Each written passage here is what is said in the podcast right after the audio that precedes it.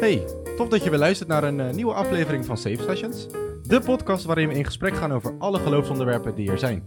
Ik zit hier samen met Laurens. Yes, dankjewel JP. Vandaag zitten we met David van Voorde om het te hebben over de vraag: wat is eigenlijk genezing in het jaar 2020?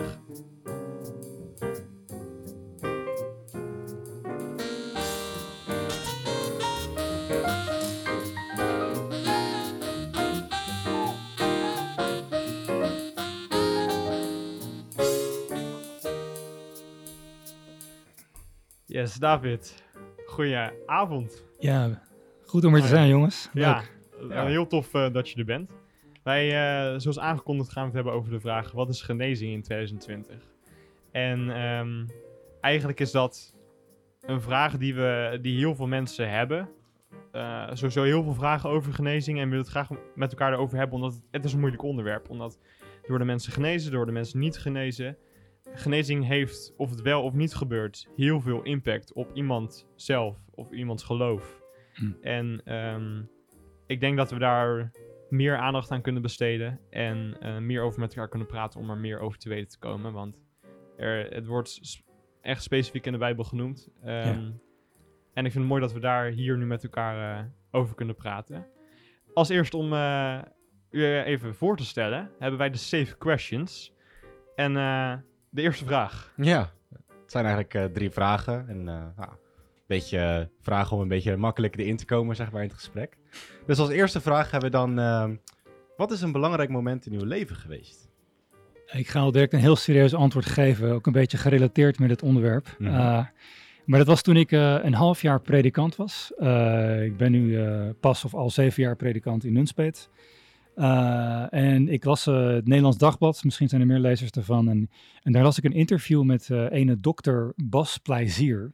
En dat is de broer van de vorige scriba van de PKN. En hij, hij heeft een aantal jaar in China heeft hij gewerkt als missioloog. En daar heeft hij gedoseerd aan de Chinese, ja, het Luthers Theologisch Seminarie. En hij, hij heeft toen ook door China gereisd om meer te kijken als Nederlandse christen bij de kerken in China. En, hij, en ik citeer hem even, hij zegt, de kerk in, China is vitaal. Het richt zich op de kern van het geloof, het leeft met de Bijbel. En dan zei als je daar rondloopt in die kerken, dan zie je dat de Bijbels vanwege het vele gebruik zijn, tot de draad zijn versleten. Hm. En hij noemt het een kerk om jaloers op te worden. En toen wat mij greep in, in, in dat ar- artikel, is dat ehm, een academisch onderzoek was geweest, wat verricht was door de communistische, atheïstische overheid van China, dus geen christenen, geloof niet in God. En die gaven de opdracht om een wetenschappelijk onder- onderzoek te doen onder, met de vraag, hoe komen de nieuwe christenen tot geloof? Nou, hun uitkomst was, dus niet-christelijk onderzoek naar christenen, dat 69% van de zogeheten nieuwe christenen tot geloof waren gekomen door genezing. 69%. En dat betekent niet alleen lichamelijke genezing, werd er ook bijgezegd, maar ook genezing van innerlijke wonden door de Heilige Geest. Nou, dat greep mij als jonge predikant. ehm, en ik dacht van, als God dat in China doet, dan kan hij dat ook in Nederland. Maar wat we daarnaast ook greep was, zoveel mensen komen dus tot geloof door iets met genezing of iets met de gave van de geest, de genadegave. Dus, dus dat is eigenlijk voor mij een soort keerpunt geworden, eh, of een begin van mijn zoektocht naar meer rondom genezing en de andere gaven van de geest. Met als verlangen niet het sensationele, eh, maar dat mensen tot de Jezus komen. En dat is eigenlijk, het is een middel, het is een, het is een visnet, vissers van mensen, waarmee je, van de Heilige Geest, waarmee je mensen trekt naar het hart van de Vader. Oké, nou, hartstikke gaaf. Ehm, nou, mooi antwoord op de eerste vraag. Dan hebben we de tweede vraag. Welke bijbeltekst heeft voor u eigenlijk een speciale betekenis?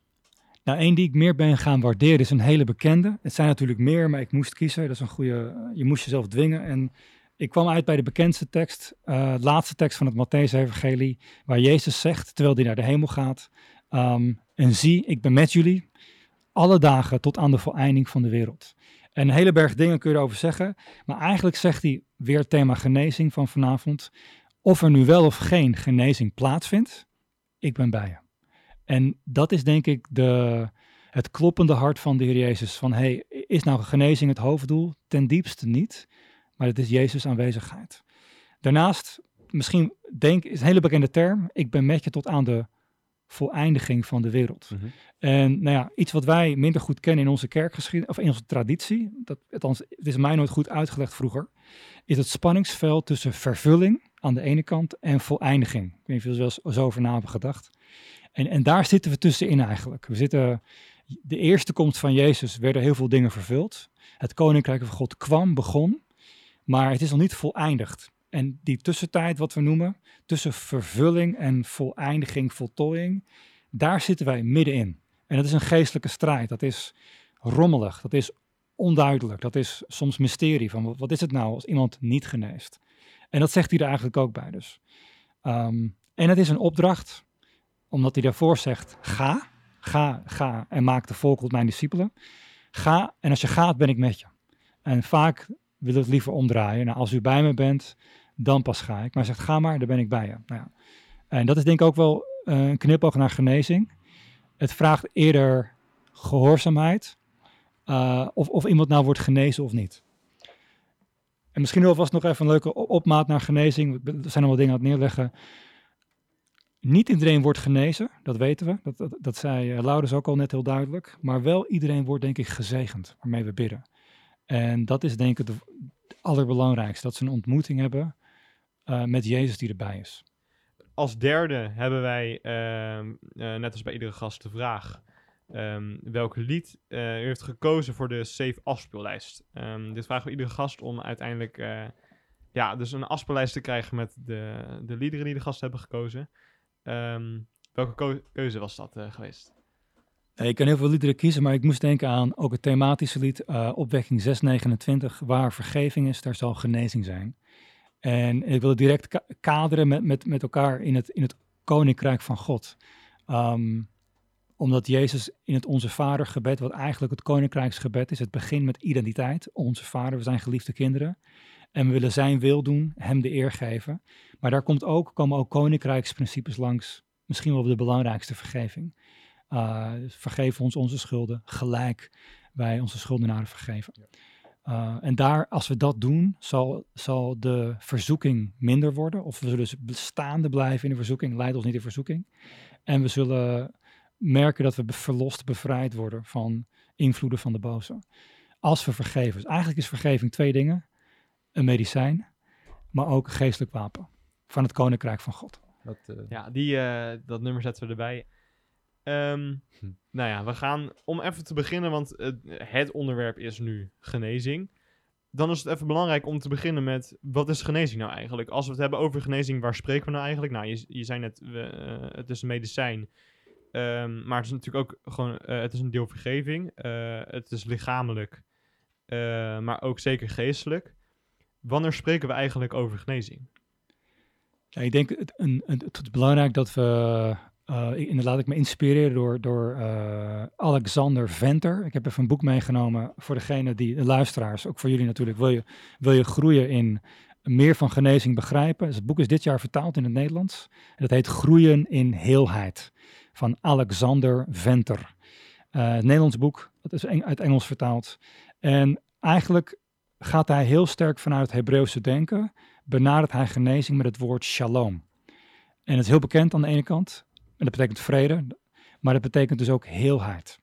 En dan legt hij in zijn boek uit, vanuit de Bijbel natuurlijk, um, dat die heelheid voor de hele mens geldt. En we zijn meer dan ons lichaam. We zijn ook onze gedachten, ons hart, onze ziel, uh, ja, geest ook, zegt de Bijbel. Geest, ziel, lichaam. God liefhebben met heel je hart, ziel, kracht, verstand. En hij geeft in zijn boek zes dimensies, zes gebieden, uh, waar we eigenlijk in ons als hele mens, holistisch, heelheid voor de hele mens, waar we genezingen nodig hebben. En ik noem ze alle zes even op. Uh, dat is de eerste eigenlijk, allerbelangrijkst. Genezing van uh, geestelijke aspecten. En dat bedoelt hij genezing in onze relatie met God. Dat onze identiteit hersteld wordt. Dus dat is ook onze vader. begint met, u bent een geliefd kind van onze vader, van Abba Vader. Dus de relatie met God is de eerste genezing die plaatsvindt. De tweede, zegt hij, is en dan, dan zijn ze gewoon even niet meer, dan zijn ze niet allemaal even belangrijk. Um, genezing van beschadigde emoties, ook wel innerlijke genezing genoemd. Daar, vindt, daar is vergeving, wat we net even benoemden, heel belangrijk in. Het geneest mensen van zware rugzakken, van, van, van ja, loodzware pijn die ze hebben meegedragen. De derde is eh, genezing van demonische belasting, ook wel bevrijding genoemd. Uh, in het, eigenlijk in het Onze Vader bidden we ook om bevrijding. Maar in het Nederlands zeggen we verlos ons van de boze. In het Engels zeggen we deliver us from the evil one. Dat is dus deliverance, bevrijding. En inderdaad in het Grieks, de grondtekst staat ook bevrijd ons. Eigenlijk, het Onze Vader is ook een bevrijdingsgebed, waar Jezus zegt, bid voor bevrijding. Nou, dat, dus dat is ook bidden van dat je uh, mensen bevrijd worden van, uh, dat ze worden ge, gekweld door demonen. Laatst nog, gisteren nog gesproken met iemand die, die zei, ik voel soms dingen naast mijn bed staan die me heel bang maken. Nou, dan zeg ik niet, je bent gek. Ik zeg, nou oké, okay, dat kan. laten we eens praten en bidden en kijken wat, wat God naar boven brengt. vierde is dan pas het, de genezing van het lichaam, hoort er helemaal bij. Elke ziekte en elke kwaal genas Jezus. Vijfde, ook belangrijk, genezing van relaties. Hoeveel verziekte relaties hebben we niet in onze leven? En ik denk dat we, als je kijkt naar de relationele gebrokenheid, dat we met z'n allen even flink stil mogen worden in Nederland. Überhaupt misschien wel het Westen in de wereld. Hoeveel uh, mensen naar psycholoog mo moeten, mogen, psychiaters. En misschien vindt daar nog wel de meeste genezing plaats. Niet tegen lichamelijke genezing uitgespeeld, maar even benoemen hoe we niet zo goed zijn eigenlijk in relaties en communicatie. Um, en daar wil God in ons ook in genezen. En als laatste, misschien heb je er niet over nagedacht, maar genezing van stervenden of mensen die zelfs overleden zijn. Denk je, wow. En ik citeer even Alexander Venter, maar Jezus heeft wel gezegd, wek doden op. En dat heeft hij niet alleen gezegd, heeft hij ook gedaan. Jongen van Nain, dochtertje van Jairus en Lazarus, een week voordat hij zelf uh, werd, werd gekruisigd, stierf en opstond. Oké, dus, dus die zes dimensies, de hele, shalom betekent heelheid, genezing, gezondheid voor de hele mens. Dat geeft meteen een, uh, een extra betekenis natuurlijk ja. uh, eraan. Um, nou ja, de genezing komt, zoals u al zei, voor in de Bijbel. Jezus zelf heeft doden opgewekt, heeft mensen genezen. Um, dat zijn ook je, in de Bijbel zijn verhalen waardoor mens, waar mensen ook naar Jezus toekomen. Niet per se om de verhalen die hij heeft gehoord of, uh, of om de vergeving, maar die komen ook naar Jezus. Uh, zeker ook daarvoor, maar ook door de genezing die hij geeft.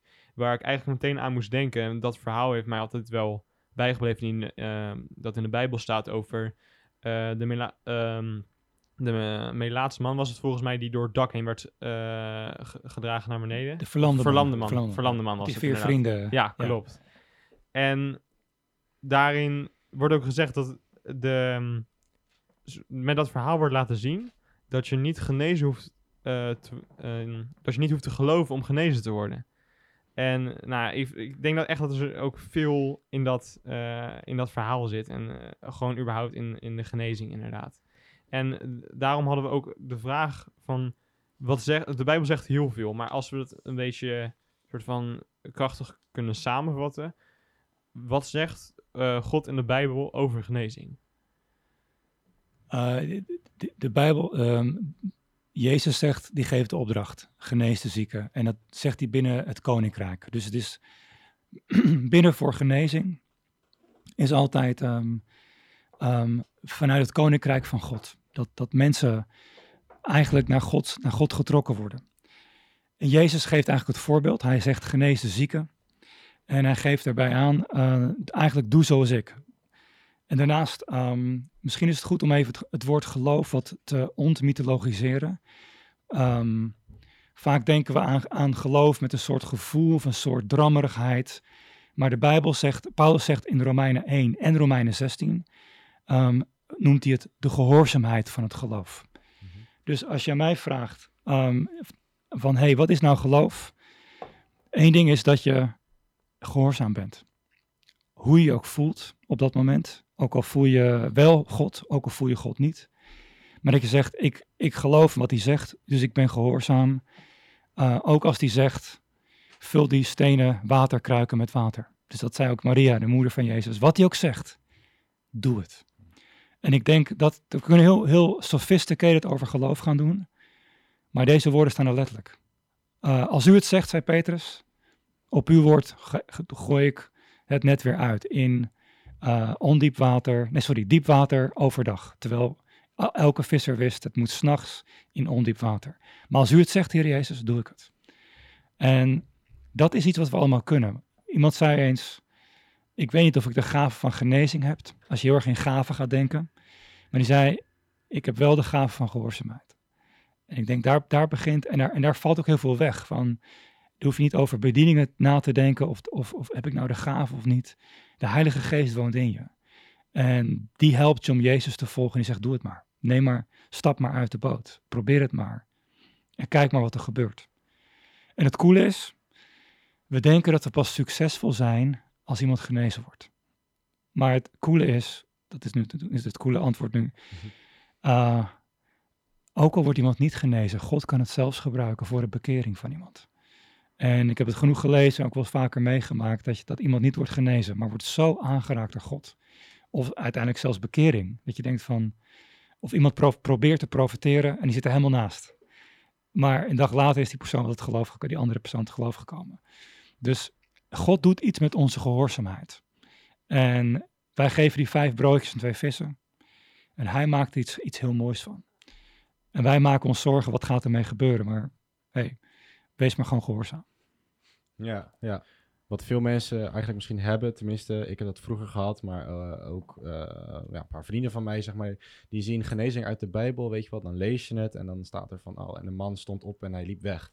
En ja. dat je denkt van, ja, is genezing in de Bijbel eigenlijk nog het, hetzelfde als genezing hedendaags, of moeten we dat anders zien?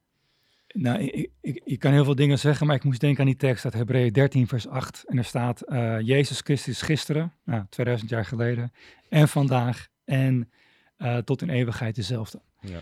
En ik, ik denk dat het, dat het, ik zie geen reden ook waarom het niet uh, meer zo is. En misschien is het goed om te zeggen um, dat er soms door theologen en dominees, lieve mannen en vrouwen, gezegd wordt, het was alleen in de tijd van de Bijbel. Um, maar het is leuk om te noemen dat er een, um, een professor geschiedenis is geweest, dus geen theoloog. En die heette Ramsey McMullen. En die, heeft een, die was eigenlijk de expert op het Romeinse Rijk. Dus hij wist alles van de Romeinen. En hij stelde de vraag, hoe komt het nou dat het Romeinse Rijk zo snel uh, gekerstend werd? Dus hoe, hoe, hoe, hoe kwam het nou dat de christenen zoveel succes hadden? Hij heeft uitgebreid onderzoek gedaan, nogmaals, geen theoloog, historicus. En hij kwam tot het antwoord, um, historische conclusie, het, het kwam door genezing, wonderen en tekenen en met name exorcisme, het uitdrijven van demonen. De eerste vier eeuwen na Christus. Dus niet alleen in de Bijbel. Dit is zijn historische antwoord. Um, nou ja, de vraag is natuurlijk, waarom is het daarna minder geworden? Er zijn heel veel, heel veel interessante verklaringen voor. Maar dat, dat dus, het is niet gestopt naar de Bijbel. Het is eigenlijk gewoon 400 jaar. En het gave is, het gebeurde gewoon door huistuin- en keukenchristenen. Gewone christenen die niet, eens, die niet eens school hebben gevolgd. In die tijd had je niet veel school. En die, die, die, die gingen gewoon bidden voor andere mensen op straat. Ja, ik vind dat zo krachtig om te zien als je christenen ziet bidden op straat. Of dat, uh, ik, ik ben bij opwekking geweest en daar zie je gewoon mensen. Uh, daar, zie ik, daar zie ik het echt vooral. Dat is echt het punt in het jaar waar ik in één keer echt soort van uh, een, hele grote, een hele grote groep christenen soort van naar buiten zie komen. En dat is zo gaaf om te zien.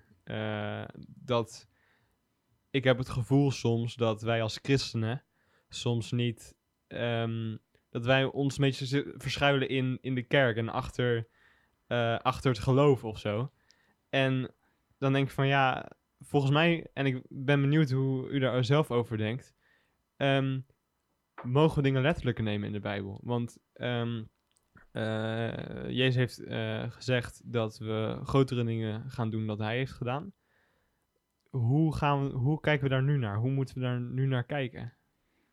Ik denk dat het heel goed is om, om telkens de Jezus als enige uitgangspunt te nemen. Of anders gezegd als de norm, de standaard, de maat, het voorbeeld. Uh, de, de rabbi die wij als leerlingen volgen. En als je naar hem kijkt, bijvoorbeeld Marcus 4 en 5, die kan je even snel als twee hoofdstukken onthouden. Dan zie je als je dat leest, dat het binnen 24 uur plaatsvindt. Dus eigenlijk wordt daar één dag achtereenvolgens beschreven. Het lijken allemaal onze stukken, maar je ziet de verbindingswoorden. En als je het op een rij zet, wat doet Jezus op één dag? Dan zie je dat hij op één dag onderwijs gaf. Nou, dat doet hij elke dag. Hij bad. Ehm, hij wekte het dochtertje van Jairus op. Hij genas tussendoor, daarvoor nog even de bloedvloeiende vrouw. Hij genas twee eh, blinde mensen. En hij genas mensen die eh, niet konden spreken eh, door, door demonen. En hij, het bekende verhaal, hij genas die man met die zwijnen en zo en die varkens bij Gadara, of bij de Gadarenen. 24 uur, Henk Stoorvogel zegt het ook in zijn boek De Leerling, terecht ook. 24 uur in de dag van Jezus. Nou ja, daarbij gelegd gebruik de evangelie een aantal samenvattingsteksten. Matthäus 4 vers 23, Matthäus 9 vers 35. En daar staat eigenlijk Jezus, die predikt het evangelie van het koninkrijk. En hij ging alle dorpen en elke, elke, steden, elke stad ging langs. En wat deed hij? Hij gaf onderwijs in de synagoge. Hij genas iedere ziekte en elke kwaal onder het volk. Dat is wat hij deed. En hij dreef boze geesten uit. En eigenlijk zegt Matthäus, dit deed Jezus elke dag. Eh, in de synagoge. En misschien nog wel de rest van de week op straat. Dus ik denk dat we dat. De vraag is eigenlijk, waarom, hoe, hoe, hoe, hoe, figuurlijk wil je dat uitleggen? Ik bedoel, eh, hoe durf je dat nog even heel scherp gezegd? Hoe durf je het alleen figuurlijk uit te leggen? We moeten het eerst letterlijk uitleggen. Het is gewoon op straat op straat. En het mag je ook iets figuurlijks ook erbij nog zeggen. Oké, natuurlijk. Maar het is volgens mij, je, moet heel erg je best doen om dat eruit te gaan trekken. Ja. En ik denk dat je dan, dan gewoon niet recht doet aan, wat, aan wat, wat Jezus deed. Dus ja, elke dag zou ik, nou ja, wil ik, durf ik en moet ik zeggen als ik de Bijbel lees, in mijn, in mijn optiek. Uh, en eigenlijk, en in de kerk, in de synagoge en uh, op straat, in de supermarkt. Ik ga dan heftige dingen zeggen op straat en dan worden we allemaal een beetje, gaan we heel erg zweten en oh help, weet je wel. Want dat wordt er in het algemeen heel veel gedaan. Uh, en tenmin- tenminste, en dan heb ik het over uh, even dat zweet en een beetje onbenauwd en of Ja. uh, benauwd en ongemakkelijk als we het hebben over genezing. Ja. En ehm, dat zijn dingen die in de kerk, wat ik dus net al zei, wordt er soms een beetje verscholen. En ik ben heel erg benieuwd. Ehm, misschien, we hadden het net even over in het gesprek hiervoor, uh, over Todd White. En Ja. dat is een, uh, een man op YouTube die uh, filmt dat hij op straat gaat en die gaat genezen. Tenminste, die laat God door zich heen genezen. Um, en dan ben ik benieuwd. Hij zegt, God roept mij. Of tenminste, hij voelt gewoon dat ik moet bidden voor diegene. Ik, hij gaat niet zomaar gaat naar iemand toe en die zegt, heb je last van je rug? Hij, gaat, hij voelt gewoon op een of andere manier dat hij naar diegene toe moet om te bidden. Ehm, heeft u zelf wel eens zo'n gevoel gehad van, ik moet voor diegene bidden? En hoe, wat voor gevoel is dat? En kunt u daar wat meer over zeggen? Uh, ja, natuurlijk. Um, e- e- e- eerst over Todd White. Ik denk dat hij. Uh, ik heb ook wel heel wat uh, filmpjes gezien. Um, en ik ben het over het algemeen juist positief over. En als ik zijn geheim eigenlijk. die hij gewoon ook zegt in zijn onderwijs hoor. dan eh, volgt hij ook heel veel andere stromingen wereldwijd, christelijke stromingen. En dan zegt hij: hey, nummer één, je wordt geleid door de bewogenheid. Jezus die was met innerlijke ontferming bewogen. en daarom genast hij de mensen. vanuit het koninkrijk. Dus hij brengt het koninkrijk dichtbij. zodat mensen kiezen voor Jezus. En wat ik heel gaaf vind van Todd White, maar bijvoorbeeld ook Robbie Dawkins, die zijn ook vrienden van elkaar. Als, als ze iemand zien genezen worden, zeggen ze vaak, Jezus nodigt je uit voor een relatie. Dus het is niet alleen maar een, genezing op zichzelf. Nee, het koninkrijk van God is dichtbij gekomen. En Go- God, nodig, God presenteert zich aan jouzelf en hij zegt, dit ben ik, mag ik, mag ik mee in je leven komen? Ehm, dat even gezegd, hoe, hoe hij indrukken krijgt van God, dat heeft hij ook al verteld zijn uh, wat, wat de Bijbel noemt woorden van kennis of gewoon impressies. En die kunnen door ideeën zijn, die kunnen door lichamelijke pijn zijn in je eigen lichaam of sensaties. Soms voel je niks, maar zie je gewoon iemand lopen op een kruk, dan ga je er naartoe. Maar dat kan ook al een indruk zijn van God. Dus eigenlijk heel breed beweegt hij, laat hij zich heel bewust leiden de, de, door de wind van de geest waar je niet waait. Maar wel, wat zou Jezus doen? Dus en die, en die genas dagelijks. Dus ik ben ook onder de indruk. Als je hem in een groep van 100 man zet, dan bidt hij bijna op één dag met al die 100 mensen. Waar, waar, en dan kan je zeggen, ja, maar hij heeft rasta haar, of hij heeft een tattoo, of hij heeft dat. Maar hij volgt Jezus wel na. Um, en hij als voorbeeld voor ons, denk ik. Dus hij is een evangelist, als je het over de bedieningen hebt, die ons aanmoedigt. Ik, ik wil jullie helpen leren evangeliseren. Kom maar, kom maar gewoon, doe maar mee. Kom maar een dag meelopen. En ik ben benieuwd als wij, we zitten met z'n vieren hier in de studio, als wij een dag met hem meelopen, hoe best wel, zijn we geen rookies meer. Ik denk dat er wel iets zo gebeurd is bij ons. We hebben heel veel dingen gezien. En dat is discipelschap. Ga je mee? We gaan nu de straat op. Weet je wel, help, zweet weer rug. eh, ehm, we hebben het gedaan, in, zal ik kort vertellen, in Nunspeet, we hebben het gedaan met, het, met de beleidenisgroep. We noemen ook wel de discipelschapskring. Met twee andere gasten. Er waren heel wat gasten niet, want die, waren, die konden niet. Eh, nou ja, staat met twee jongens. We zeiden, we kunnen de Bijbel gaan lezen. Dat hebben we een stukje gedaan. Of we kunnen de straat op gaan. Toen hebben we gevraagd voor impressies. Heer, wilt u dat we ergens naartoe gaan? Wilt u puzzelstukjes geven? We moesten aan een park denken. We moesten aan een rode jas en een naam denken. We zijn naar het park gereden. Er was niemand. en, eh, Nou, nou, dan denk je dan. ja, ja, ja, ja, maar oké, eh, maar oké, eh, rond het lopen, een beetje bidden, het park zegenen, weet je, nou ja, voorbeden voor de buurt gedaan. We liepen naar de auto en we zagen iemand lopen die in de buurt kwam van de beschrijving die we dachten te hebben ontvangen. Dus we liepen op die man en die vrouw af, maar die wilden eigenlijk niks van ons te maken hebben. Eh, op een nette manier. Dus we stapten in de auto en de tweede locatie was het station. Daar zijn we ook met een paar buschauffeur aangesproken. Die had ook iets van, wat doen jullie hier? En, en toen was ik gewoon, ik was leeg. Ik, had, ik, had, ik heb het geprobeerd. Eh, en toen gingen we, maar een van die andere gasten, die, die bleef wel doorgaan. En er kwamen uiteindelijk twee jongens van het station. Die leken wel op de beschrijvingen die we dachten. En we, eh, we, we samen benaderden ze, we mochten met ze praten en bidden. En de een was eigenlijk met een moslimachtergrond. En die zei, hey, jullie zijn christenen. Jullie doen dit. Jullie, jullie bidden voor genezing. En wij zo, ja, ja, ja, dit doen we. Hij zegt, wat gaaf joh. Weet je? Dus wij waren nog verbaasder dan he- hem. En we baden voor zijn arm en, en, en voor die andere gasten zijn- zijn knie. En de, de pijn in zijn arm ging helemaal weg. En we zeiden ook, al proberend, hey, Jezus houdt van je. En hij nodigt je uit voor een relatie. En ik weet niet, we zijn aan het leren, maar ik weet dat ik, terugkomen op het punt van het zweten, ik zat te shaken. Het was ook koud, maar ik, vond het echt heel spannend. Eh, en daarom, als aanmoediging voor jullie en voor alle luisteraars, doe het samen. Dus Jezus stuurde ze twee aan twee. Aan de ene kant staat de een te shaken, de andere is dan wat moediger. Je kan evalueren, je kan elkaar zeggen, nou laten we nog één rondje lopen. Waar, wie weet is er wel iemand zometeen. En je kan het ook samen incasseren als er niks zou gebeuren. Um, dus doe leer het samen. En met elkaar en van elkaar. Um, anders ga je het niet leren. ja. Ja, ik, ik, moest een beetje denken aan, uh, ja, um, wat, wat kunnen, zeg maar, christelijke jongeren, of in ieder geval christenen algemeen, wat kunnen ze doen?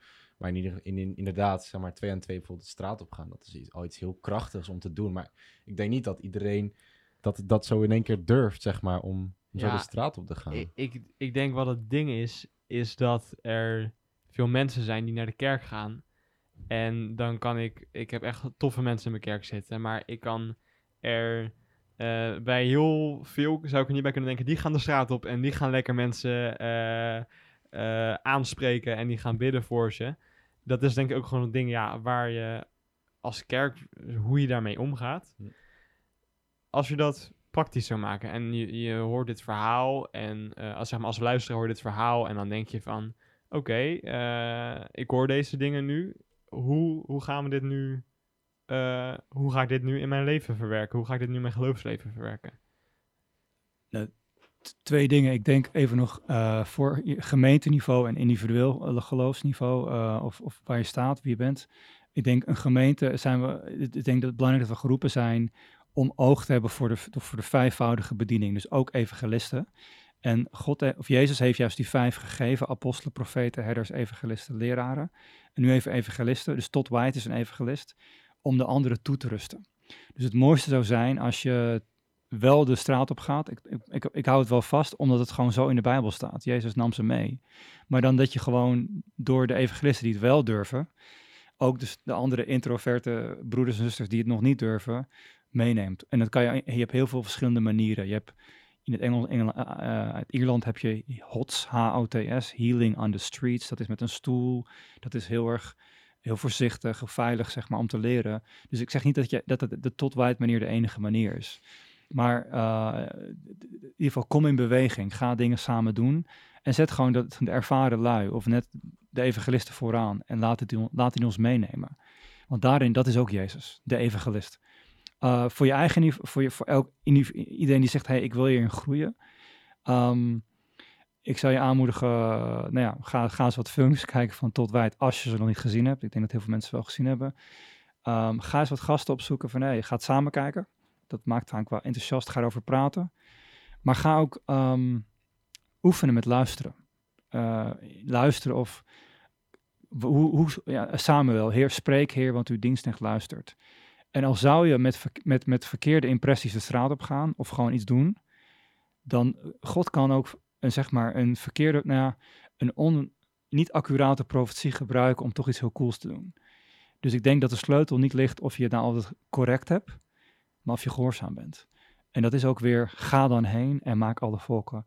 Dus ga maar. En in, in het gaan zul je als sprekender en evaluerende, analyserend, zul je ontdekken, ah, zo werkt het. En, is niet, en je mag fouten maken, anders leer je niet. En wat is, een, is het een fout om te oefenen in profetie? Nee. Het is gewoon, oké, sorry, ik zat ernaast. Uh, enzovoort. Maar.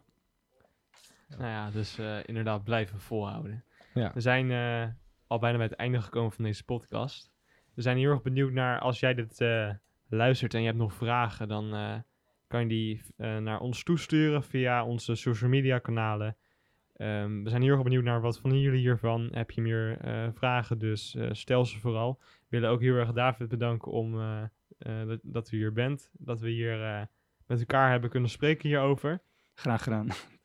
Ja, ja, hartstikke bedankt in ieder geval nogmaals. En ik denk dat heel veel mensen hier ook wat aan hebben. En ja, zichzelf hierin ook kunnen laten groeien. Volg je de podcast nog niet op Spotify? Ga dan snel naar de Spotify-app en volg ons. En zo ben je altijd weer snel bij als de volgende aflevering erin komt. En ook mag je natuurlijk onze Instagram-pagina volgen. Volg ons via @safesessions en zo ben je altijd up-to-date over de podcast. En dan kan je ons van alles vragen. In ieder geval bedankt voor het luisteren naar de podcast en uh, nou, tot de volgende aflevering. Joep.